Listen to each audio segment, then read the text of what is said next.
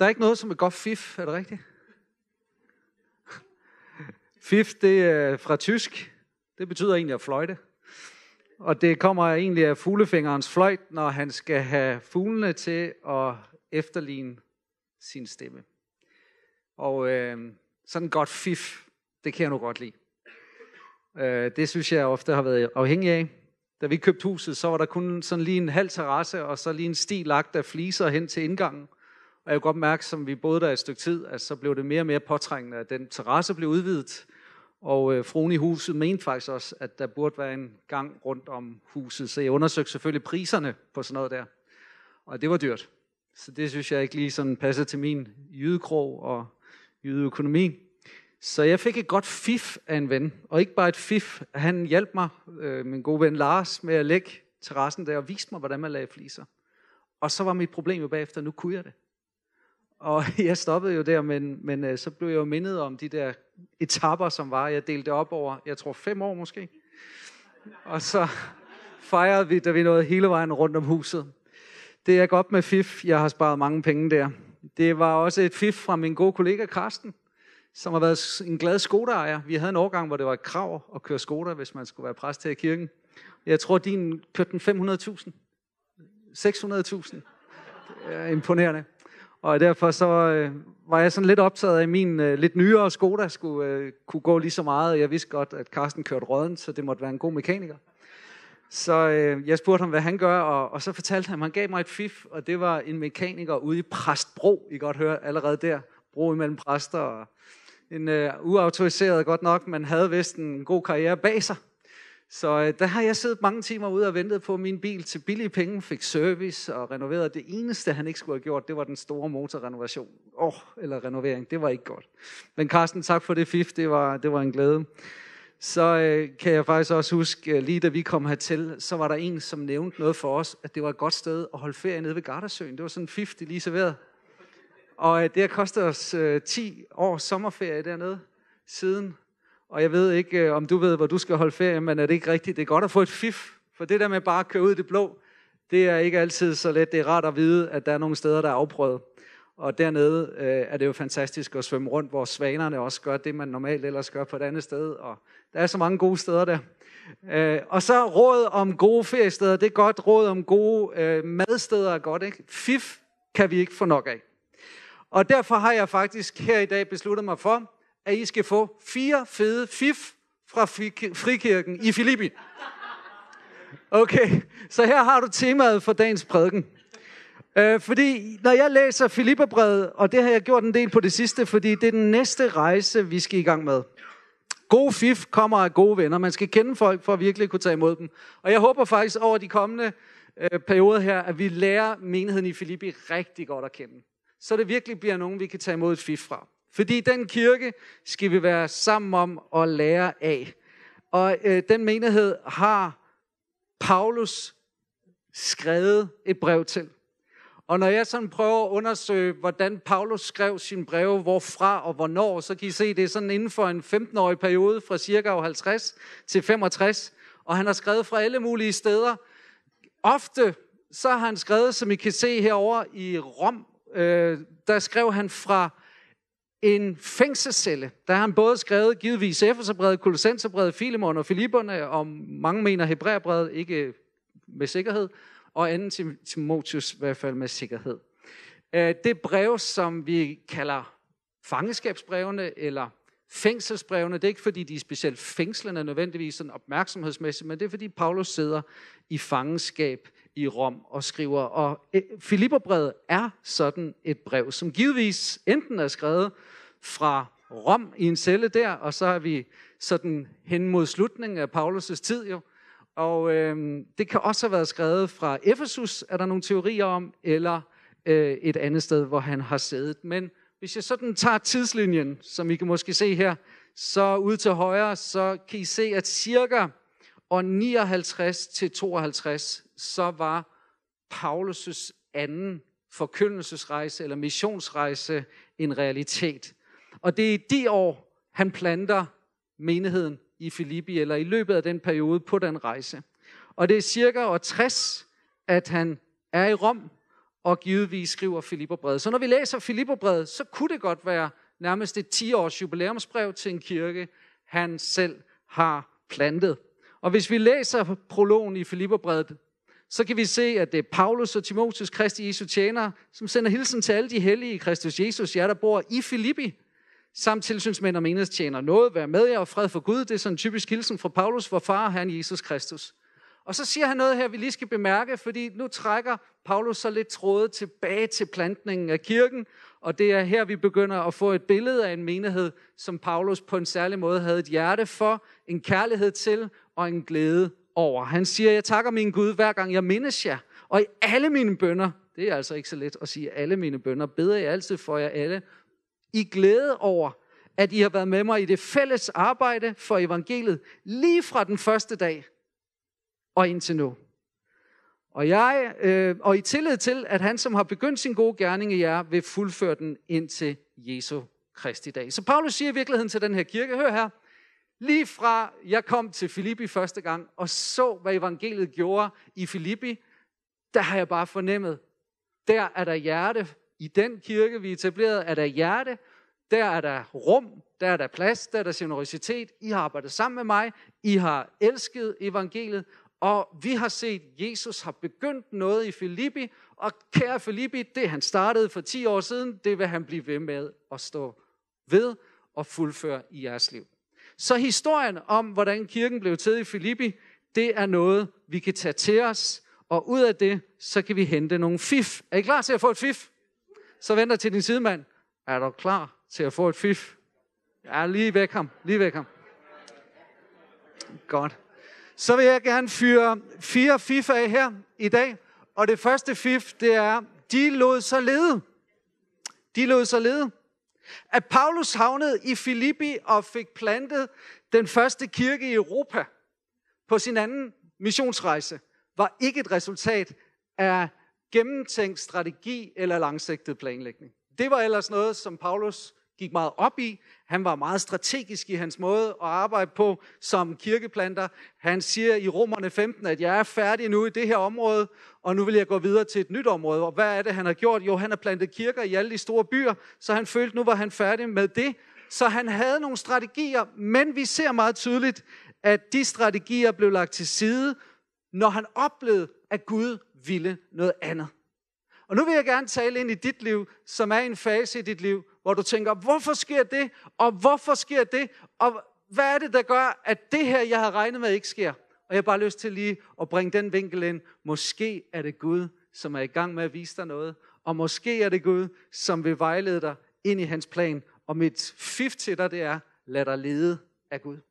Der står sådan her, i det her afsnit videre, at vers 6, og nu er vi i Apostlenes Gerninger 16.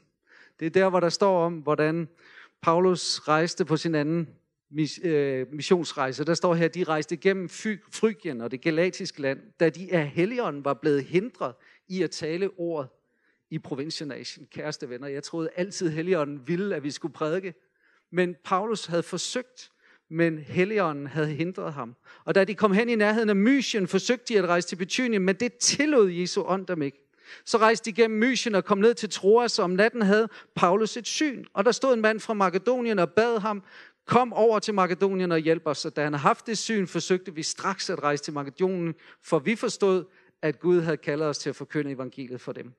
Prøv lige, jeg ved ikke, om du kan se den her orange tråd, der går her.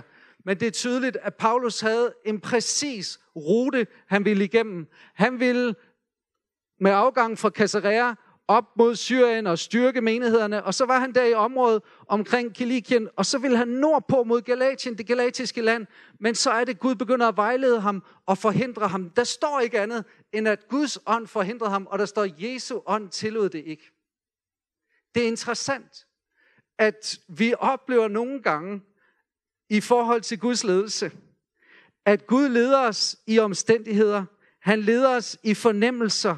Han leder os i noget, som vi ikke helt tydeligt ser. Men vi må bare forsøge. Vi må være i bevægelse, og vi må gå ud i det, vi tror er rigtigt.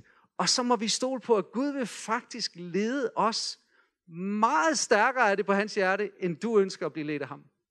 Prøv at lægge mærke til, at Paulus sidder ikke tilbage i stolen og venter på at høre fra Gud. Nej, han ved, at han skal prædike, han ved, at han skal tjene, han ved, at han skal være i gang. Så sammen med teamet af Lukas og Timotius, hvor øh, også Silas var med i det her team, så tager de afsted og gør det, de tror er rigtigt. Fordi de har nogle principper, de kender Jesu undervisning, de kender til, hvad det er Gud han vil, hvad der er hans, øh, på hans hjerte, og så går de afsted. Men så er der noget, der forhindrer dem, der er noget, der bliver justeret, og der er nogle øh, forhindringer, og der står, de forsøgte, står igen og igen, og så står der også, at så forstod de. Og prøv at lægge mærke til de her ord, at forsøge og så forstå. Jeg har lyst til at sige til dig, i din vandring med Jesus, så når der er uafklaretheder, du står over for beslutninger, så lad være med at bare gå i stå og blive handlingslammet. Gå i gang. Gør det, du tror er rigtigt.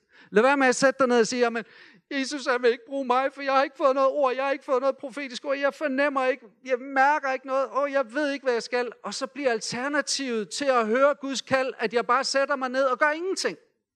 Men prøv at lægge mærke til Paulus og Silas og Timotheus og, og hvem man sidste, Lukas. De vidste, at Gud ville have dem i bevægelse, han ville have dem i gang, og derfor gjorde de noget. De gik i gang, og hvad skete der så? Så tog de fejl, og så blev de rettet ind. Og så tog de fejl, og så blev de rettet ind. Ved du godt, Helligånden er optaget af at justere dig? Så du behøver ikke være bange for, hvis du har overgivet dit liv til ham, og vil hans vilje, vil hans plan, og vil tjene ham, så skal du ikke være bange for, om han tænk, sidder deroppe og siger, jamen, så kan det også være lige meget, så må de bare selv. Nej, Gud er så optaget i, at du rammer hans vilje og plan, at han vil justere dig. Vi ved ikke, hvordan han gjorde det. Vi ved ikke, hvordan Helligånden talte, om, om det var igennem omstændigheder, eller der står på et tidspunkt her, så kommer der så et syn. Paulus får synet. Og de forsøgte at forstå, prøv at lægge mærke til, Paulus får synet, men der står, vi forstod. Det vil sige, Paulus havde delt synet med Lukas og Timotheus og Silas, og så har de siddet der som firmandsgruppe. Kan det være Gud? Kan det være, fordi vi skal gøre det her? Og så har de opnået konsensus, og så forstod de sammen. Så det gør ikke noget af det, du oplever, eller det, du er i tvivl om, at du deler det med nogen. Del det i din gruppe, eller del det med en nær ven, og få en afklaring, bekræftelse, og så gå den vej, Gud vil, du skal gå. Amen. Så jeg vil gerne skabe en ro i dit liv, som næsten har sådan en forkrampet forhold til det der med Guds ledelse. Åh, jeg tør ikke, hvad nu hvis jeg gør noget forkert? Jeg vil bare sige, Gud er optaget af, at du skal ramme hans vilje. Og et fif, det er, lad være med at blive lammet. Hvis ikke lige du hører noget eller ser noget, prøv at tænke på Silas. Hvorfor var han med på det her hold? Han var med på det her hold, fordi hans leder og teamleder Paulus, han har haft et skænderi med den tidligere holdkaptajn Barnabas, og så var deres veje skildes. Og Paulus var blevet gal i skralden, og de havde haft en bitter strid, og til sidst så ender det med, at Paulus han siger, du kan rejse med Markus, som var kernen til striden, Markus, Barnabas. Og så smutter jeg afsted med Silas. Prøv at forestille dig sådan en kaldelse der. Silas, vil du ved mig? Hvorfor det? Er det, er det ikke Barnabas? Nej, men jeg gider ikke ham mere. Det er dig nu. Okay, jamen tak for det. Hvilken kaldelse. Men det viste sig at være Guds plan og vilje for Silas. Hvilke omstændigheder at starte ud med. Men ved du godt, Gud han har sin vej, og han vil sin vej med dig.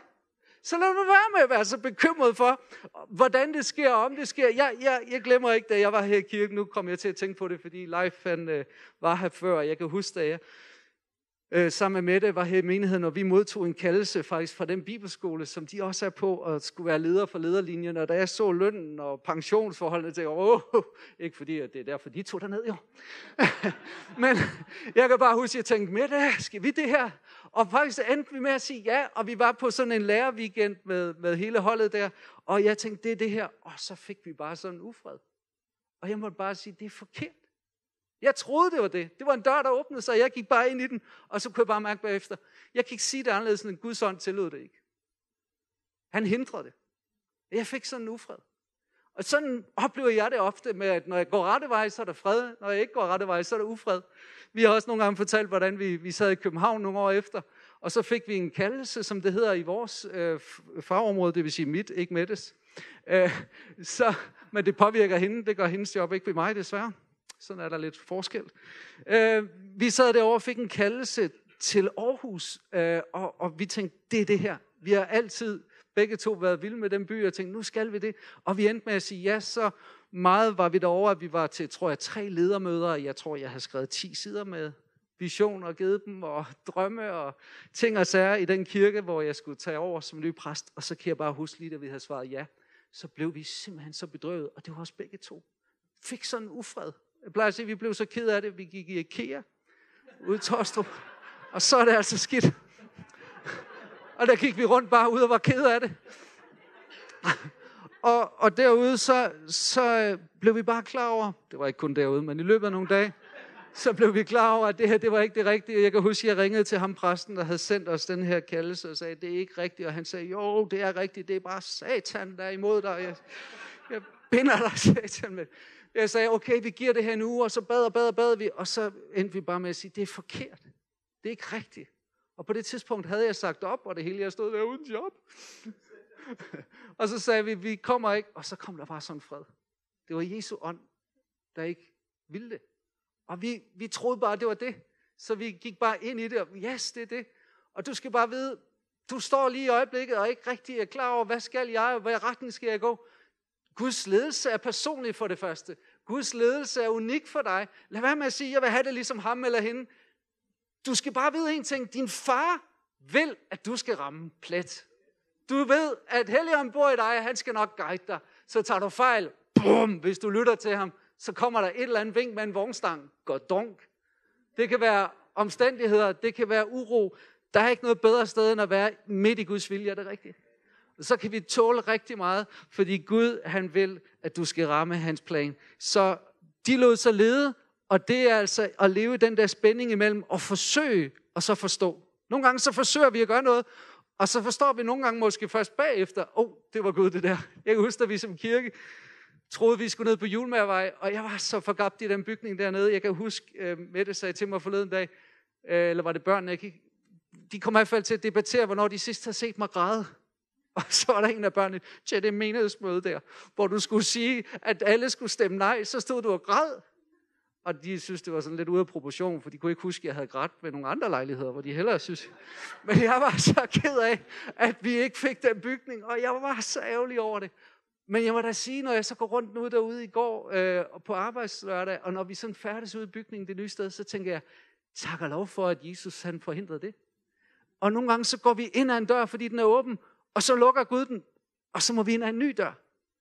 Og det eneste, du ikke må, det er at være en bil, der holder stille, fordi de er ikke til at dreje med. Men vær i bevægelse, så kan Gud justere hen ad vejen. Så kom nu i bevægelse. Amen. Det vær med at bare sidde hen og sidde ned. Men vær i bevægelse, det er et lille fif, du får med her. Godt. Det andet fif, det er, de ledte dem til tro, der ville lytte. Så det første, det var, at de lå sig lede, og dernæst, de ledte dem til tro, der ville lytte. Der var tre personer, som bliver fremhævet i Apostlenes Gerninger 16 fra plantningen af menigheden i Filippi. Og det er forretningskvinden Lydia, som er den første, der kommer til tro. Dernæst så er det slavepigen, som var besat af en spottomsdæmon, og så var det fangevogteren. Det er tre forskellige sociale lag. Det er forretningskvinden fra overklassen, det er måske en etnisk pige, vi ved det ikke, en slavepige, som i hvert fald var fattig taget til fange, selvom hun tjente store summer ind til sin herre. Og så var der fangevogteren, som havde fast job, boede i fængslet, givetvis en middelklasse lønmodtager. Den første, vi læser om, de kom til Filippi, og når de kommer ind som team, så starter de bare med at bo der nogle dage. De går rundt i byen, og de undersøger, hvad er der i byen, hvem er åbne, hvem er ikke åbne. Og givetvis der finder de ud af, at der ikke engang en synagoge. Så mange jøder var der ikke i byen, det krævede nemlig 10 mænd jødiske mænd, før man kunne etablere en synagoge. Men det man gjorde så, når man var færre end det, det var, at man etablerede bedehus, og det var ofte ved floden uden for byen. Og der står på sabbaten, så gik de ud gennem byporten og langs med en flod, hvor gik de, hvor vi mente, der var et bedehus. Der satte vi os og talte med de kvinder, der var forsamlet. Så nu er de kommet, og nu skal de fornemme, hvad gør Gud på det her sted? Hvem vil Gud kalde på? Og så står der der, og en gudfrygtig kvinde ved navn Lydia, en purpurhandler fra byen Thyatira, lyttede til alle Paulus ord, og Herren åbnede hendes hjerte, så hun tog dem til sig. De holdt øje med, hvem mund i vores, øh, hvem må vi møder, hvor Jesus åbner hjertet. Hvem må vi møder, hvor Jesus har været der først. Og Lydia var sådan en. Hun var helt sikkert en rig kvinde, for hun kunne tage alle fire mænd ind og bo som ingenting i sit hus. Så hun har været velhavende. Hun har været en kompetent forretningskvinde. Og der er ingen tvivl om, at her havde Jesus været først. Og Den næste, vi møder, det er slavepigen. Og det bliver en besønderlig oplevelse for Paulus, fordi den her spottomspige, hun bliver ved med at følge efter det her følge. Og dag efter dag, står der, så råber hun, at dette er den højeste Guds tjener, og de forkynder jer vejen til frelse. Og jeg har undret mig over, hvad det var, der i de her ord gjorde Paulus så vred. Udover at det selvfølgelig var et budskab, der var prædiket af en dæmon inde i hende, og ikke af pigen selv. Og det var grund nok til, at han blev vred. Men jeg læste en forklaring på, at her i, på grundsproget, så står der ikke vejen til frelse, men der står én vej til frelse. Og det tror jeg har været det, der har vagt Paulus' vrede. Fordi her var der et kompromis af forkyndelsen. For det apostolske, der var i Paulus, er ikke bare at sprede evangelisk DNA, det er også at beskytte evangelisk DNA. Og her var Paulus optaget af, at det var det sande budskab, evangeliet om Jesus Kristus, som var jøn, den eneste. Ikke bare en blandt mange, som man forkynder i det nyreligiøse, som man forkynder i New Age-regi, øh, hvor man siger, det er ok at, at, at gå til astrolog, det er ok at læse stjernetegn, det er ok at gøre alt muligt overnaturligt, og det er alt overnaturligt er godt. Det er ikke det, Paulus stod for. Det er ikke det, vi står for som kirke.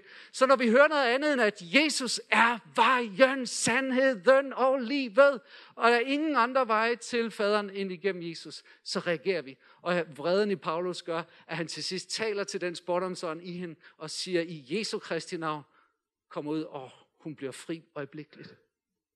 Og hun bliver uden tvivl en omvendt pige, som kommer til at elske Jesus. Og den sidste, det er fangevogteren, som du også kan læse om i Apostlenes Gerninger 16. Og igen, så er det jo ikke noget, Paulus og Timotius og Lukas og Silas planlægger eller arrangerer. Og jeg har bare lyst til at tage den tyngde af dit liv. Du kan ikke få folk til at tro. Men prøv at lægge mærke til, hvem der lytter omkring dig. Hvem Jesus er i gang med at skabe tro i, så de lytter. Lad være med at gå og skubbe og presse og mas og as for at føre folk omkring dig til tro. Men vær åben over for, hold øje med, hvem har Jesus været hos? Hvilke hjerter har han åbnet allerede? Og for Paulus øh, og Silas, så var det at lede fangevogteren i fængslet ingen problem, fordi han var desperat. Han havde faktisk først været en af dem, der havde været brutal over for dem, og havde smidt dem i det inderste fangehul.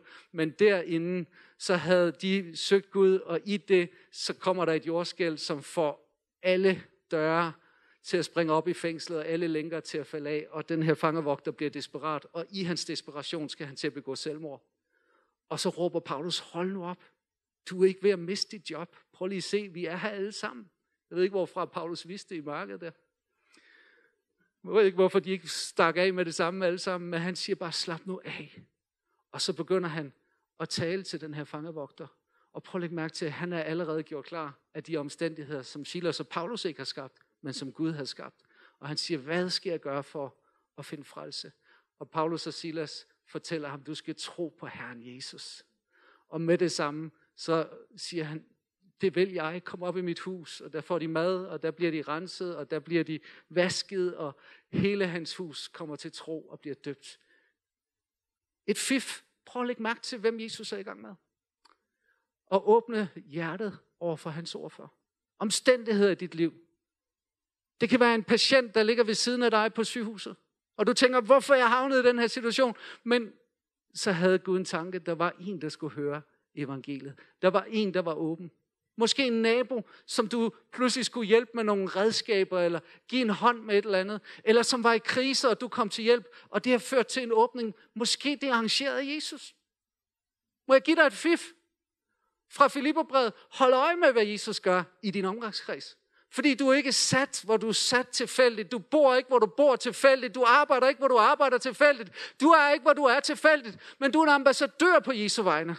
Og om du er der, så er Jesus der. Om du er der, så er hans frelsesplan aktiv. Og der er ikke nogen omkring dig i din hverdag, som du møder, som Gud ikke har frelsestanker for.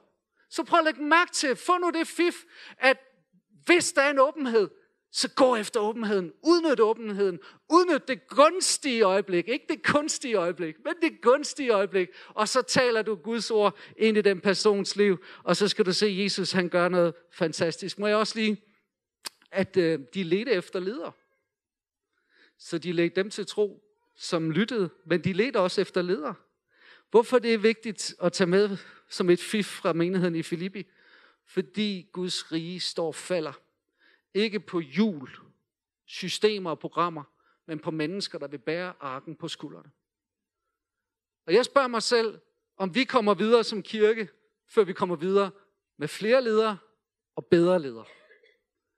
Jeg tror, at Jesus er i gang med at lede efter ledere, som er villige til at lægge sit liv ned og sige, her vil jeg stå som åndelig mor og far. Her vil jeg stå som gruppeleder. Her vil jeg stå som facilitator. Her vil jeg stå med ansvar. Prøv at lægge mærke til i menigheden her. Fra start så er det som om, at der er det fokus på, de ledte efter ledere. Da Lydia, hele hendes husstand, var blevet døbt, indbød hun os, hvis I anser mig for at være tro mod Herren, så kom ind i mit hus og bliv der. Og hun nødte os til det, står der. Prøv lige at lægge mærke til, det er en helt spritny trone, som siger, vil I ikke nok komme hjem til mig, hvis I virkelig mener, at jeg er en tro disciple, hun er lige blevet døbt. Så vil jeg altså åbne mit hjem, så må I altså komme alle sammen. Alle sammen skal komme. Og jeg tænker, what? Det er jo lederskab. Det er jo en åndelig mor. Rejst op på et split sekund. Det skal vi til at vende os til som kirke. Det er ikke dem, der har været her 20 år, som du skal sidde og tænke på, ah, men man skal altså lige have været her 20 år, så kan vi komme med lederskab. Du skal høre her, Jesus skal gøre noget på et øjeblik. Og der står i vers 40, da de er færdige i Filippi, de forlod fængslet, gik hen til Lydia og mødte brødrene på hverdagsdansk, står der, hvor de samledes med de troende, formanede dem og tog så afsted. Lydia, den nye i troen, var blevet leder i kirken, og hendes hjem var blevet base. Hun har sikkert haft et kæmpe stort hus. Og der mødtes de alle sammen. Jesus leder efter leder. Lad være med at sætte begrænsning. Lad være med at tænke boks, men kom ud af boksen. Læg mærke til Filipperne 1, når han taler til de hellige i Kristus Jesus, jer der bor i Filippi, så siger han samt tilsynsmænd og menighedstjenere. Han henvender sig på hverdagsdans til lederne og medhjælperne. Han siger, alle hilser jeg, men i særlig grad, så, så tænker han lige på dem, som står med lederskab, og dem, der hjælper lederne. Han vidste godt, at skulle menigheden i Filippi vokse og udvikle sig, så var det nødvendigt, at nogen sagde, det vil jeg gøre. Det vil jeg stå med her vil jeg. Så et fif, vi får fra menigheden i Filippi, det er altså betydning af, at nogle ledere rejses op. Prøv at lægge mærke til videre i Filipperbrevet, hvor Paulus formaner Eodia og formaner sin tykke, øh, jeg ved ikke, om hun var tynd, eller hun var en af de tykke, til at enes i Herren. De to navne her, det er pigenavne. Det var ledere i menigheden. Vi er ikke inde i den jødiske tradition. Her er det en by, der er romersk koloni, det vil sige, det var italiensk rom, romersk kultur. Og i den her by, så havde man faktisk stor, stor respekt for kvinder. For den her kultur eller tid, så var det unikt. Og de her kvinder har uden tvivl øvet så meget indflydelse i deres lederskab i menigheden, at Paulus siger, I to, I skal altså lige lade være med at være i totterne af hinanden. Det kan godt være, at I har hver sit billede af, hvordan det her det skal ledes videre. Men nu skal I lige slappe af i Jesus. Amen. Paulus han uh, talte lidt hårdt til de to kvinder der. Men så siger han, jeg beder også dig, trofaste syn, synsygos. Hjælp dem, for de har kæmpet for evangeliet sammen med mig. Hvem er den her person, synsygos? Nogle mener faktisk, det er en teori, at det er Lukas. Lægen Lukas skriver i Apostlenes Gerninger, indtil de er til og med i Filippi i vi-form, og derefter så går han over til de. Så nogen mener, at Lukas bliver efterladt i Filippi, og så rejser de andre videre. Vi ved det ikke med sikkerhed, men det er interessant, om Paulus har tænkt, der er så meget godt i gang i Filippi. Lukas, lægen Lukas, vil du ikke blive her og lede det her? Måske han var en af dem. Og så står der, husk også Clement, han er jo fra tv, og Clemens og mine andre medarbejdere, hvis navne står i livets bog. Så står dit navn i livets bog, kære ven. Gør det det, så er du potentiel medarbejder. Og du skal bare vide, kirkearbejde, det er kirke i arbejde. Du er altså ikke kommet ind her til som en, en pensionistklub, hvor du skal have lov at bare blive nurset, og vi skal sidde og evaluere, hvordan servicen er, og det er også fint og godt. Du skal vide, er du kommet til tro, så er dit hjem kirke. Er du kommet til tro, så er du potentielt åndelig mor eller far. Er du kommet til tro, så starter det nu. Og når vi er ude i høsten, hvad skal vi bede om? At høstens herre sender arbejder ud til sin høst. Det betyder altså, at hvis høsten skal i hus, hvad skal der så til? Arbejder. Hvad laver man, hvis man er arbejder? Arbejder. Okay? Det er ikke så svært spørgsmål, man får her. Det vil sige, hvis man er troende, er en del af en menighed, og har Guds kald på sit liv, hvad man så er i gang med? Åbne sit hjem, møde behov, bære ansvar, se efter menneskers liv. Har de behov, så møder du dem. Du får beskidte fingre, du kommer til, hvis du hyrde og lugter af for. Der skal lægges energi ind, og det skal vi gøre, fordi ellers så begrænser vi Guds ledelse. Det sidste, det er, at de lovsang på trods af lidelse. Det her punkt, det vil jeg gøre til hovedbudskabet i aften, og jeg håber mange af jer vil komme i aften, og så skal vi bare lade Ung Kirke Lovsang give den fuld gas i forhold til lovsang og tilbedelse. De skal have lidt mere tid, skal de ikke det? Så jeg synes, vi skal erklære i aften som sådan lidt mere en lovsangsgudstjeneste. Så skal jeg nok nøjes med 20 minutter på det her. Fordi det her, det ligger mig virkelig på sinden. At vi bliver en kirke, som ikke bare lovsynger på de scener, som er lyst op af spotlight, men som lovsynger i vores hverdag, selv når vi lider. Og her ser vi i Filippi et forbillede, fordi der står her, at folkeskaren gik løs på Paulus og Silas. Der er jo to andre. Det er jo Lukas og Timotheus. At de ikke gik løs på dem, kan skyldes to ting. De var jo hedninger. Timotheus halvhedning, halvjøde. Uh, øh, Lukas helt hedning, ikke jøde. Men det kan også skyldes, at det var tydeligt, at det var Paulus og Silas, der ledte. Og nogle gange, så er det altså bare det at lede. Det er altså at stå forrest, når det uddeles øretæv. Så hvis du vil have del i ilden, så må du altså også lige vente dig til varmen. Så folkeskaren gik løs på Paulus og Silas og embedsmændene og lod tøjet rive af dem. Det var ikke særlig fedt at lige få rykket præstekjolen af der. Og så befalede de, at de skulle piskes. Og efter de havde givet dem mange piskeslag, satte de dem i fængsel og gav fangevogteren ordre til at bevogte dem sikkert. Da han nu havde fået den ordre, satte han dem i, den inderste, i det inderste fangehul og spændte deres fødder fast i blokken. Og så er det nu midnatstid. Og nu skal I lige forestille jer Silas og Paulus, de er inde i det inderste hul. Og herinde, i det inderste hul, så bliver de spændt fast i blokken. Og når jeg læser om blokken, så var det faktisk sådan en ting, som har siddet, hvor man både kunne blive spændt fast med hoften og hænderne og det hele, men de nåedes med benene, og der blev de lagt ned sådan her, og så blev fødderne, der er faktisk forholdsvis god her. Så, det er godt, det ikke er fødestilling. Så blev de altså spændt fast her. Og I skal lige forestille jer, at Paulus og Silas har lige fået smæk, altså jeg mener rigtig bank, bøllebank. De er blevet pisket på ryggen. Nu bliver de lagt ned på et stengulv. Og hernede ligger de nu, og jeg ved ikke, om de ligger lige ved siden af hinanden, eller der er afstand, men de er kommet ind i det allerinderste fangehul, og det var altså ikke et luksushotel. Herinde ligger de på et koldt gulv, der har givetvis lugtet, der har givetvis været alt muligt kravl, og ryggen gør ondt, og så ligger de der flere timer, og så bliver det midnat. Og nogen mener, at så er det bedetid for en jøde. Andre mener, at der har det simpelthen gjort så ondt, at de kunne ikke sove. Og så er de ligget der, og så er Silas, åh, Silas er jo profet. Så nogle profeter, de ikke til at holde ud at være sammen med. Jeg forestiller mig bare, skal vi ikke synge en lovsang, Paulus? Nej! og de har ligget der, min ryg gør ondt, ja, det gør min også. Kan du sove? Nej, jeg kan ikke sove. Åh, er det her takken, man får for at udfri en pige fra en dæmon? Åh, hvad er det, Gud vil med det her? Det var ham, der sendte os. Det var ham, der ledte os. Og jeg ved ikke, om de har ligget og haft sådan nogle dialoger. Men en ting, at fangevogteren gjorde ret, det var at spænde dem fast, for de kunne i hvert fald ikke danse og juble og begejstres. Men jeg tror, de begik den fejl, at de satte dem ved siden af hinanden. Fordi en ting er, hvis de har været i hver sit fangehul, så tror jeg, at Paulus kollegerne, han har siddet og grøntet og måske Silas, han har haft lidt ondt af sig selv, sådan mere følelseslad. Men jeg skal love for, at de to sammen, de har altså fortalt sig op. Og så lige pludselig, jeg forestiller mig, så er de begyndt at bede, og der står, at bønden har været afløst af lovsang. Og så er de begyndt, og så, jeg forestiller mig, Silas, han har ligget der, og så har han sagt, åh, jeg har en sang nu. Har du en sang, siger Paulus. Ja, jeg har en sang nu. You take the shackles off my feet, so I can dance. What, siger Paulus. Ja! Og jeg får en anden sang. Han ryster det, som skal rystes, for at det, som skal blive, bliver. Nå, det kender jeg ikke, siger Paulus. Åh, oh, det gør næste her. Ja, men nu... Og, og jeg forestiller mig, at de bare ligger der, og så er de opmuntret hinanden, og så er de begyndt at bede, åh, tak Gud, fordi du frelste Lydia, åh, tak Gud, fordi du udfriede den pige, men Gud, du sagde, at vi skulle se en makedonisk mand, vi har ikke set ham endnu, hvor er han henne? Og i virkeligheden så sidder han lige ude, han er fangevogter. Men de bliver nødt til, for at evangeliet kan blive sluppet løs i hans liv, blev de nødt til at blive bundet op i et inderste fangehul. Og derinde, så ved midnatstid, så begynder de at synge, og de begynder at juble, og der er lovsangskoncert. Og jeg har det bare på den måde.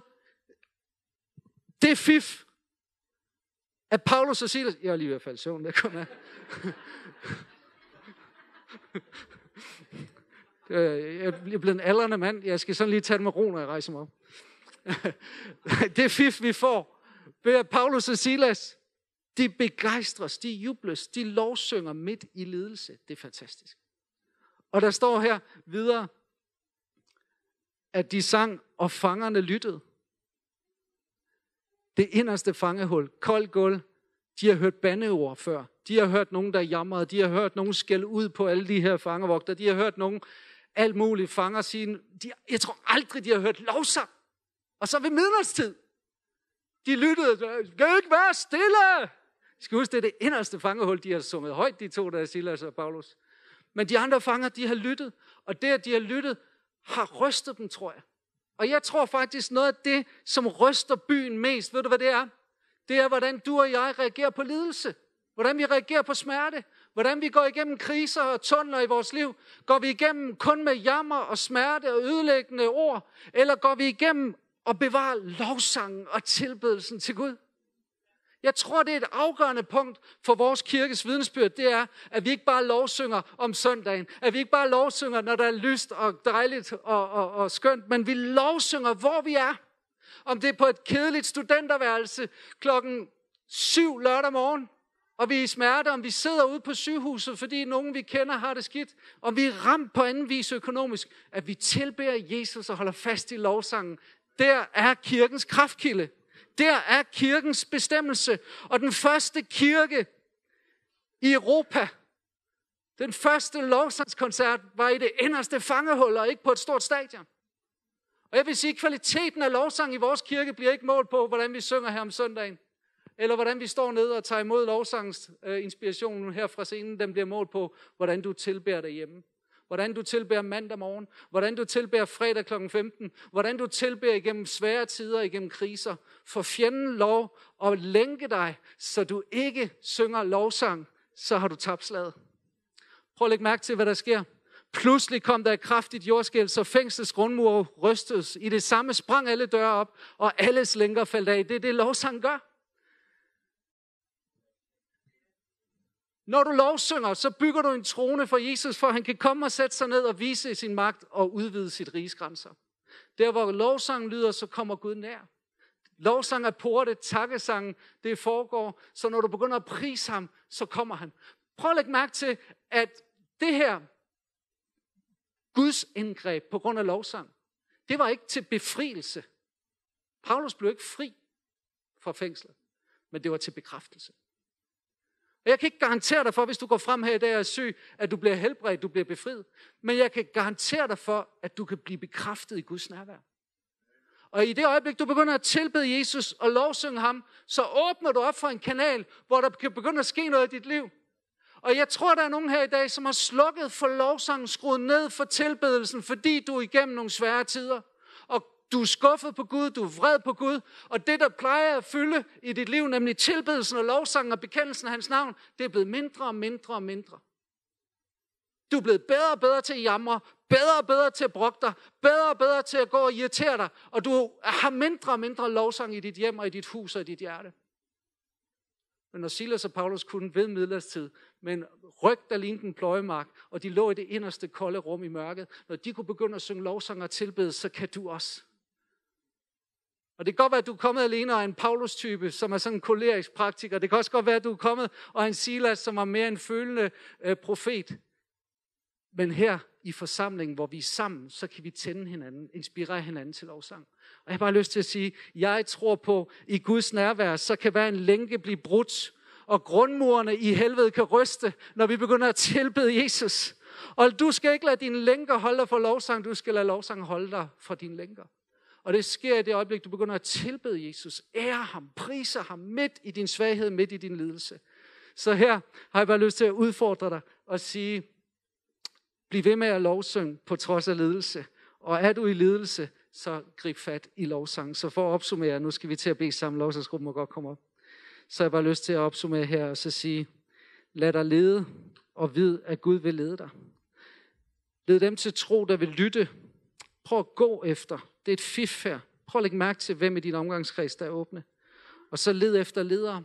Det er et kald til os som kirke, men det er også et kald til dig, som er leder og er medarbejder. Prøv at se, hvem i din omgangskreds, som Jesus bærer på med kaldelse, og han lægger noget ind i. Vær med til at tale det frem. Vær med til at mundre det op.